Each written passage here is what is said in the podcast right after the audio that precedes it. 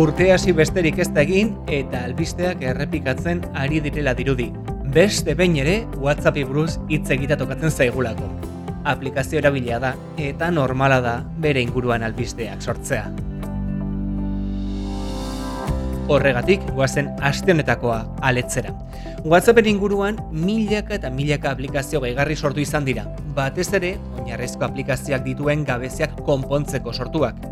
Duela urte batzuk, aski ezagun egintzen WhatsAppeko taldeak aztertu eta estatistikak egiten zituena. Eta gaur egun, enpresentzat bidiraturiko aplikazioak dira gehienak. Kontuz, GB WhatsApp edo WhatsApp Plusen erabiltzaileak bazarete. Zergatik, WhatsAppetik ez dutelako nahi aplikazio hauek erabiltzea eta horregatik hauek erabiltzen harrapatu ezkero, zure kontua eten dezaketela eman dute jakitera.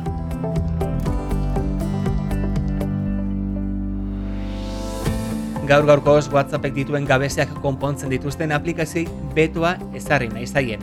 Adibiderazi dutenez, hasieran abisu bat helduko zaigugun mugikorrera eta mezuari kasu egiten ez badiogu, orduan emango dute urrengo pausua. Gogoan hartu, WhatsAppen etxean zaude, aplikazio erabiltzen duzunean eta bertan egoteko arau batzuk onartu dituzu. WhatsAppek bere etxetik botatzeko aukera du hori onartu eta gero. Hori bai, indarra erabili ordez aplikazioak hobetzeko bidea hartuko ote du WhatsAppek, oraindik goiz da esateko, baina esan bezala urtea hasi denetik gehiegitan izan da albiste Facebookeko mezularitza zerbitzua. Beraz, adi, honek ere izango duelako buelta. Xabi unanu naiz ongi etorri denoi Xabildua podcastaren amaseigarren ediziora. Ongi etorri denoi teknologia albistegiaren astekarira. Xabildua podcast.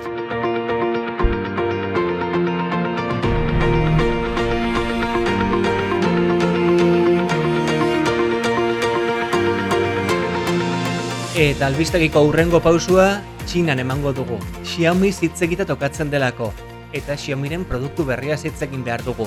Mugikor berri batetaz. Entzun, botoirik gabeko gailua, kargatzeko da aurikularrak konektatzeko zulori gabekoa, eta gutxi balitz, ertzik ere somendu izango mugikor berri honek. Euren esanetan urjauzi estilokoa izango da, ertz beltzik ez duena izango, eta ertz bakoitzean laurogeita sortzi graduko kurba izango duena, pantailaren lau aldeetan.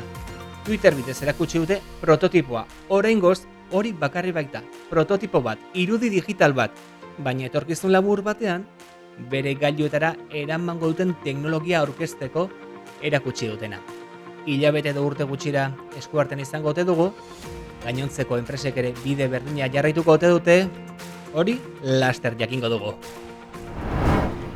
Eta astonetan sare sozial batek goia jo badu, horrek Clubhouse izan da. Audien sare sozialak jodu goia. Oraindik ere proba moduan daude eta gonbidapen bat behar da bertan parte hartzeko. Eta gutxi balitz, apeleko gailuetan soilik deskargatu daiteke. Baina beno, hitz gutxitan esateko. Irrati tertuliek egiteko balio duen aplikazioa da. Zoom bideo deien aplikazioak bezalaxe, baina audioak soilik erabiliz. Badu beste erabilera bat. Entzule gisa egon gaitezkela irratsaioa entzuten. Eta izketan daudenekin chat bidez komunikatu. Podcastak irrati saio grabatuak badira, Clubhouse zuzeneko irratiarekin alderatu beharko genuke. Eta Twitch sare sozialak komunikatzeko dituen gaitasunak ere txertatzen dira bertan. Gertutik jarraituko dugu, eta bertan entzule izango gara laster. Eta kontuan hartzeko beste puntu bat, hilabete honen amaieran ezabatuko baita saretik Google Music izeneko aplikazioa. Hasiera batean pentsatu dezakezu, baina hauetzen musika entzuteko aplikazio soil bat, asko kala erabiltzen zuten, baina bazuen bigarren buelta bat ere. Bertara, gure ordenagailu edo mugikorreko abestiak igotzeko aukera genuen, deskargatutakoak bertara igotzekoa. Eta bere sisteman, abesti hori izan ezkero, kalitate hobean gordea izango balu, gure fitxatekia ordezkatu eta bertxeo egokiago bat eskaintzen zigun. Spotify antzera ere ordainpeko arpidetza bat ere bazuen bertan. Baina lehen aldian hitz egiten ari gara, hilabetenen amaieran agur esango digulako aplikazioak eta bere barnean dituen datu guztiak ezabatu egingo dira. Googleen aplikazioaren erabiltzaile guztiei mezu bat iritsi zaie emailera, baina bada ez bada, xabilduatik ere, gogoratu egingo dizuegu hau, bada ez bada ere, daturik ez galtzeko. Bertan informaziori baduzue, egun gutxi dituzuelako, hauek zuen ganatzeko. Eta maitu aurretik interneteko argia sariaren irabazleak zoriondu behar ditugu. Euskal Encodingseko lagunentzat izan baita aurtengo garaikurra. Euskarazko pelikula, telesail eta bestelakoen gordailu bihurtu dute euren ataria ama urte luzez. Eta gutxi balitz, jatorrizko hizkuntza dauden film eta telesailei azpitituluak jarri eta bertan eskuragarri jarri dituzte.